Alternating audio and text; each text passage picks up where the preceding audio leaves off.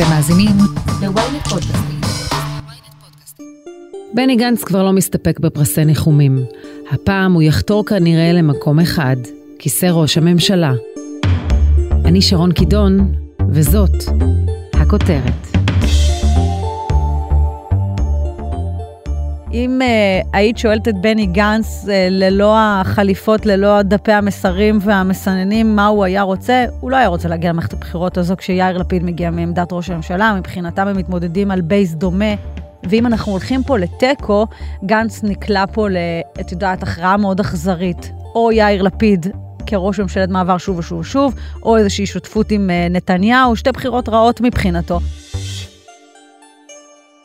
הממשלה הנוכחית היא ממשלה מורכבת, אבל ממשלה נכונה.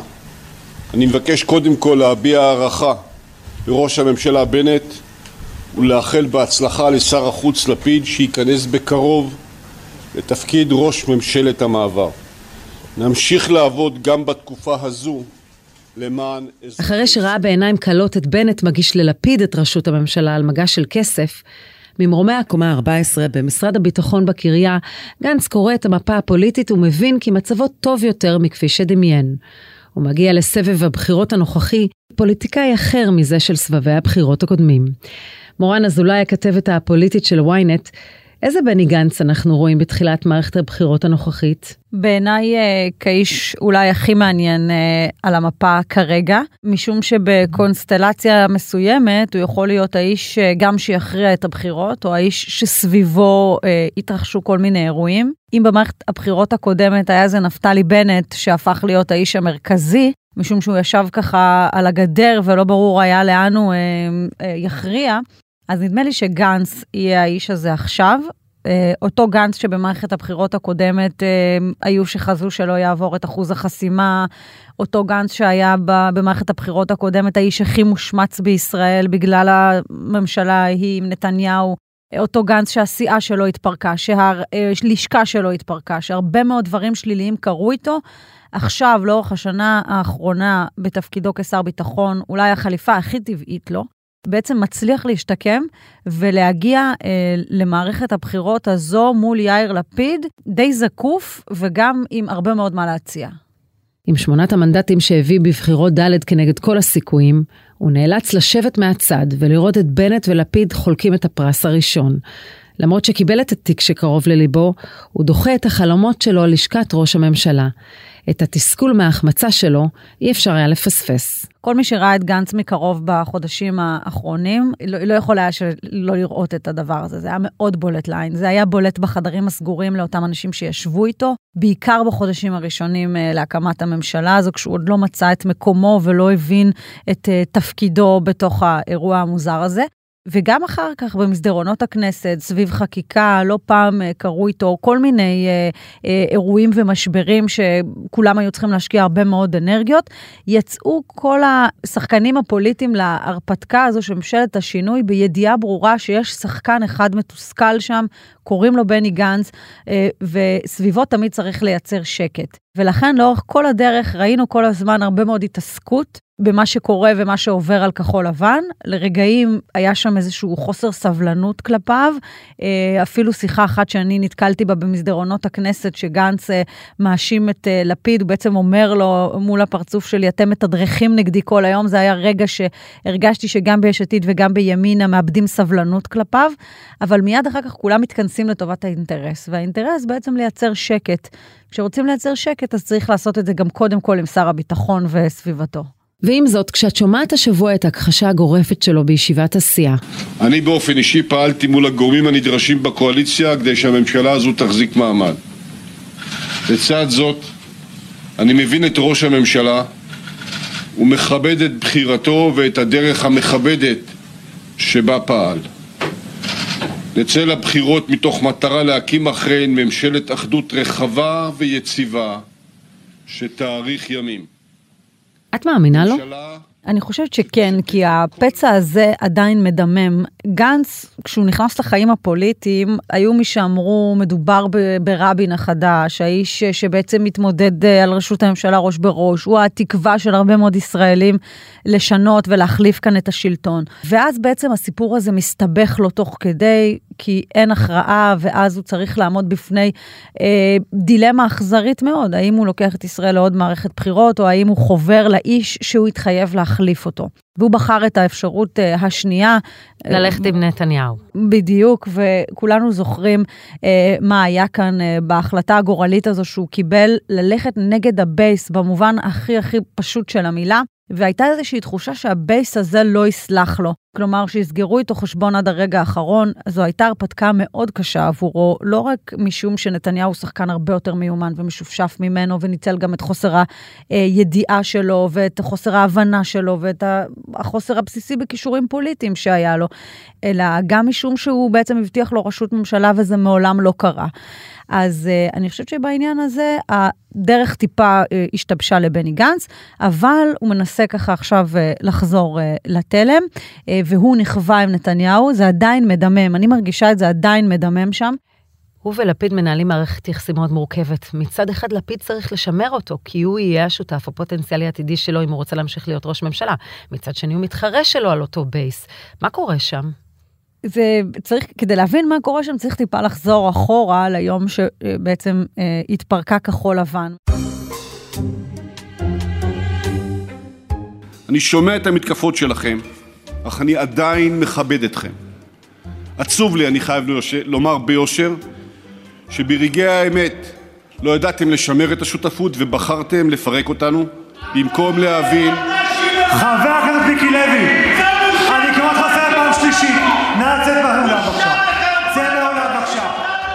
מדובר בשני אנשים שהתחברו והצליחו לייצר איזושהי מערכת יחסים מאוד אינטימית וקרובה. הם היו ממש חברים אישיים, אני מזכירה, הם אפילו נפגשו עם אה, נשותיהם לארוחות ערב משותפות, אה, לקחו את זה הרבה מעבר לפוליטיקה.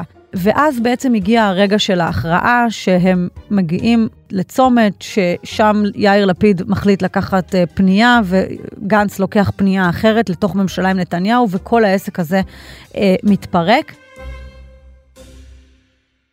האירוע הנקודתי הזה, ששם הם בעצם מתפצלים, משאיר ממש אדמה חרוכה בגזרת החברות, בגזרת היחסים האישיים, הייתי אומרת אפילו בגזרת היחסים הפוליטיים, כי הפוליטיקה בסוף היא מקום של, אה, את יודעת, ענייני. זה לא גולש הרבה לרמה האישית. פה זה גלש ממש לרמה האישית.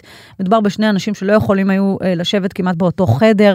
היו שם משקעים אישיים שגלשו לצוות אה, וכדומה. גנץ מאוד מאוד כעס על לפיד, על אה, קמפיין מאוד אגרסיבי שהתנהל נגדו, והוא ייחס אותו ללפיד, שלפיד מתדלק את זה.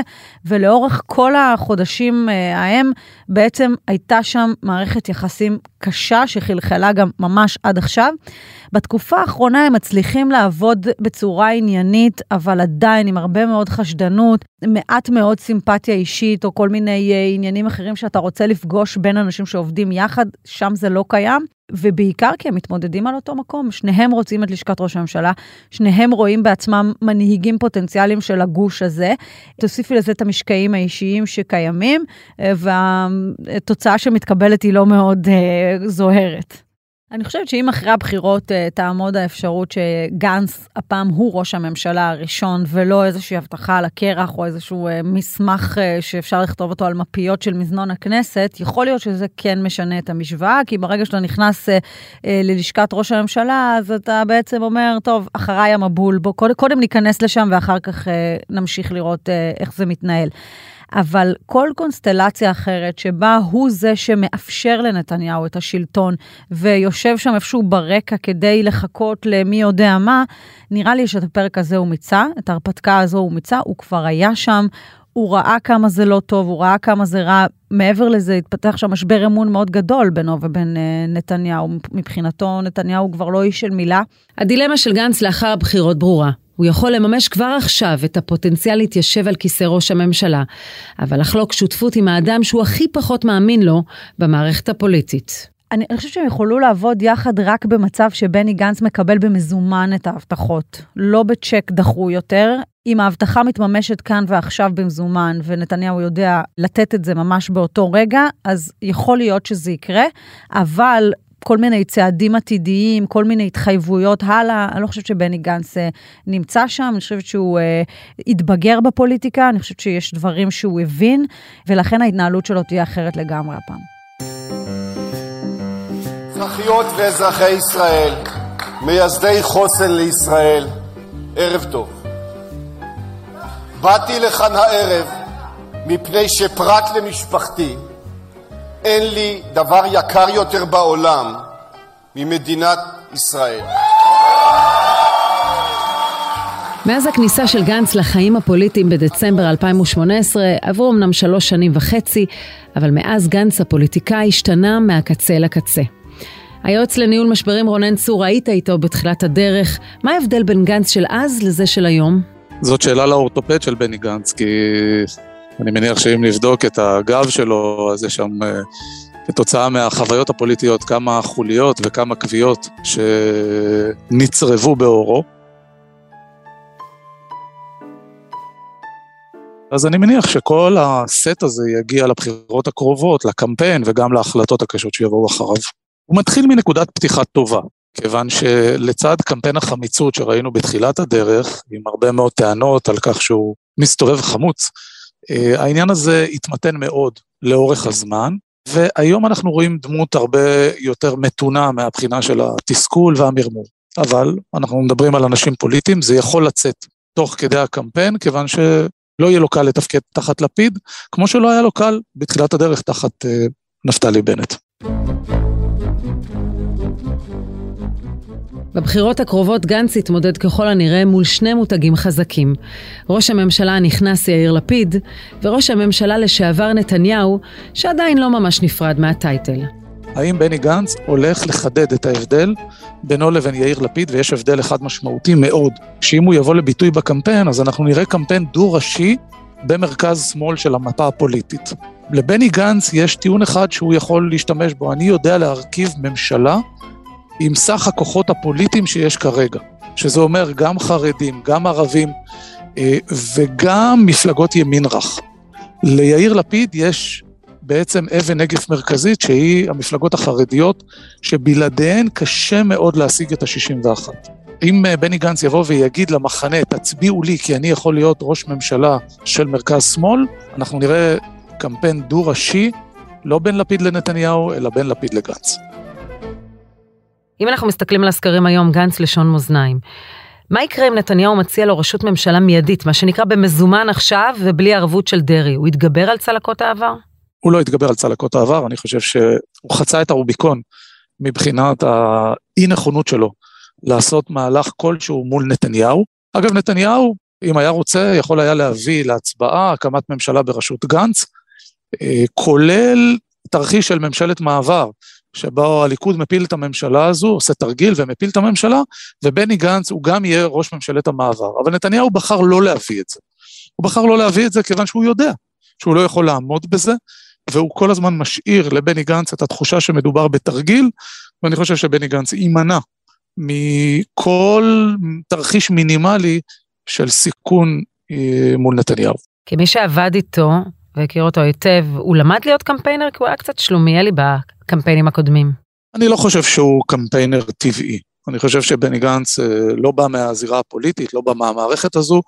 אה, הוא לא אוהב את הפרקטיקה של קמפיינים פוליטיים, שיש בה הרבה מאוד אה, נוקשות, ויש בה מידה לא קטנה של בוגדנות מצד השחקנים הפוליטיים. ולכן אנחנו רואים בני גנץ שבעצם לא שואף למפלגת שלטון, אלא שואף לשמור על שלולית המנדטים אה, היציבה שלו, מבלי לשאוף להגיע לקידומת ה-30 וכפי שהוא מאוד רצה בעבר. אני חושב שגנץ אה, ינסה להגיע למצב של אה, ממשלה יותר יציבה מהממשלה האחרונה, אבל להגיד לך את האמת, אם תיקרא בפניו האפשרות להיות לשון המאזניים להקמת ממשלה שלא נשענת על נתניהו, אני חושב שהוא לא יעמוד בלחץ של המחנה, וכן ילך לממשלה כזו, גם אם יאיר לפיד יעמוד בראשה.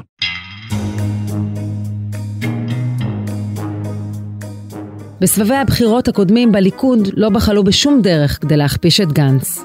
גנץ זה ביבי באלי אקספרס, אתה מחפש ככה. חיקוי. גנץ, שמאל, חלש. האם גם הפעם אנחנו נראה קמפיין נגטיבי על הראש של גנץ, למרות שהוא בסבירות גבוהה השותף המתבקש של נתניהו? קשה לי מאוד להאמין, כיוון שלליכוד ולנתניהו יש עניין לשמור את בני גנץ, מה שנקרא אה, כוח ידידותי. הם הבינו את הנזק באמת האטומי שהם גרמו לעצמם בקמפיינים הקודמים, אז הסיכוי לכך נמוך. האם סביב נתניהו יש אנשים שכן מצליחים לגרום לו נזק מאוד גדול בדרך שבה הם מתנהלים מול השותפים הפוליטיים? כן, יש הרבה כאלה, ואני לא בטוח שלנתניהו יש שליטה מוחלטת בהם, לכן אני משאיר איזשהו חלון לאפשרות שקמפיין ארסי מהסוג הזה יצוץ שוב על ידי המקורבים לו. אז רונן, אם גנץ מתקשר אליך מחר בבוקר, מה העצה שאתה נותן לו? ללכת עד הסוף עם ההחלטה שלו. בני גנץ לא יהיו לו עוד הרבה אפשרויות להתמודד על ראשות הממשלה ועל ניהול ענייני המדינה. אם הוא יחליט שזה הזמן שלו, הוא כן יצטרך לגבש סביבו קבוצה פוליטית משמעותית, גדולה, כזו שתקרא תיגר על ההגמוניה של יש עתיד. יש לו את היכולת לעשות את זה, משום מה הוא בחר לוותר על זה, וזה הדבר שבעיניי יהיה לו, יהיה לו נקודת התורפה, יהיה לו אבן הנגף בקמפיין הנוכחי. רונן צור, תודה רבה. תודה, שרון. אז מה הסיכויים שבקרוב נגלגל על הלשון את המילים ראש הממשלה בני גנץ? הודעה קצרה, ומיד נמשיך עם הכותרת.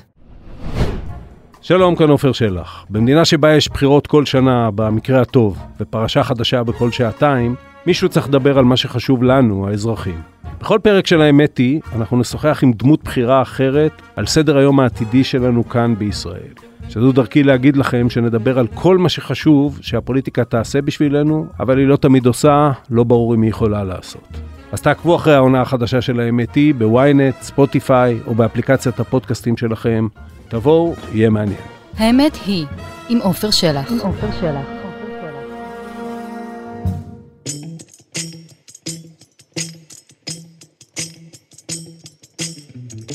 בשבילי, ישראל לפני הכל.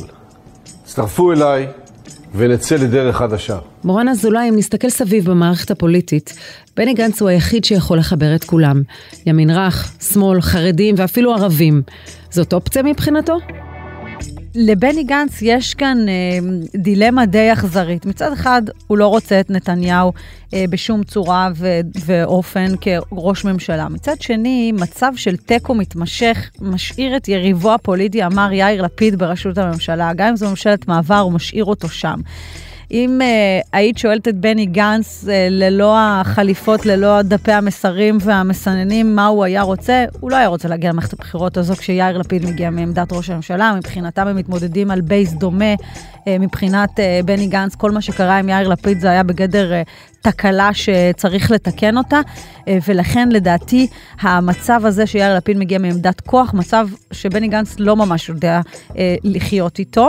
ואם אנחנו הולכים פה לתיקו, גנץ נקלע פה, את יודעת, הכרעה מאוד אכזרית. או יאיר לפיד כראש ממשלת מעבר שוב ושוב ושוב, או איזושהי שותפות עם אה, נתניהו, שתי בחירות רעות מבחינתו.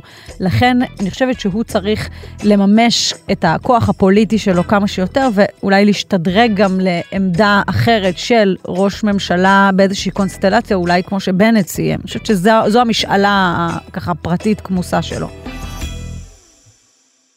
מה יעשה לו הבייס אם הוא יחבור שוב לנתניהו, גם אם הוא יקבל במזומן את ההבטחה להיות ראש ממשלה, כלומר הוא יהיה ראש ממשלה ראשון. תראי, בבחירות הקודמות, אה, אני ממש זוכרת את הסקרים אה, שניבאו לו שהוא לא עובר את אחוז החסימה, אני זוכרת את אווירת הדכדוך בסביבתו, אפילו את אווירת הדכדוך שהייתה לו סביב אותה החלטה, כי הוא כל הזמן הרגיש שהוא הלך עם איזושהי אמת פנימית שלו על זה שבעצם אי אפשר לגרור את מדינת ישראל שוב ושוב ושוב לבחירות, כי אין הכרעה והעם אה, חצוי, והוא באמת האמין שהוא עושה את זה לטובת מדינת ישראל, אבל הדבר הזה לא עבר טוב בציבור, ואז הוא התחיל קמפיין בבחירות הקודמות של איזושהי חזרה בתשובה, של אני אה, נשכבתי על הרימון, עשיתי דברים אה, מאוד קשים, יכול להיות שאתם לא מסכימים איתי, יכול להיות שטעיתי, אני מבין אתכם שאתם חושבים שטעיתי, אבל בואו נתקן את זה, ומגיע לי לפחות שככה תתחברו לרעיון שעשיתי את זה בשבילכם. וקהל די גדול הלך איתו אה, בגלל העניין הזה, אמר, נתניהו רימה אותך, אבל אנחנו מאמינים לך שבאת ממקום טוב, ובעצם הצביע לו ונתן לו את המנדט להמשיך קדימה בפוליטיקה. עכשיו זה יהיה קצת יותר קשה. אז מה את אומרת? יום אחד בני גנץ יהיה ראש הממשלה? קשה להמר על הדבר הזה, אבל uh, את יודעת, במציאות שבה uh, נפתלי בנט הפך להיות ראש ממשלה, כבר כמעט הכל יכול להיות, אז uh, אני, אני לא באמת יודעת, אבל אני כן חושבת שתרחישים פוליטיים דמיוניים שעד היום היינו מסרבים לעסוק בהם, היום פתאום מונחים על השולחן, אז גם התרחיש הזה הוא על השולחן. מורן אזולאי, תודה רבה. תודה רבה. בני גנץ נמצא היום בנקודה הכי טובה בקריירה הפוליטית שלו. גם אם הוא לא בשיא הפופולריות שלו כבעבר, ולא נתפס כמשיח המחנה, הוא התבסס במקום טוב באמצע, ויכול לנהל משא ומתן עם שני הגושים. נכון שהוא נמצא במקום הטבעי שלו במשרד הביטחון, והצליח לרסן את השאיפות שלו בממשלה האחרונה, אבל אל תטעו, הוא רחוק מאוד מלוותר על החלום.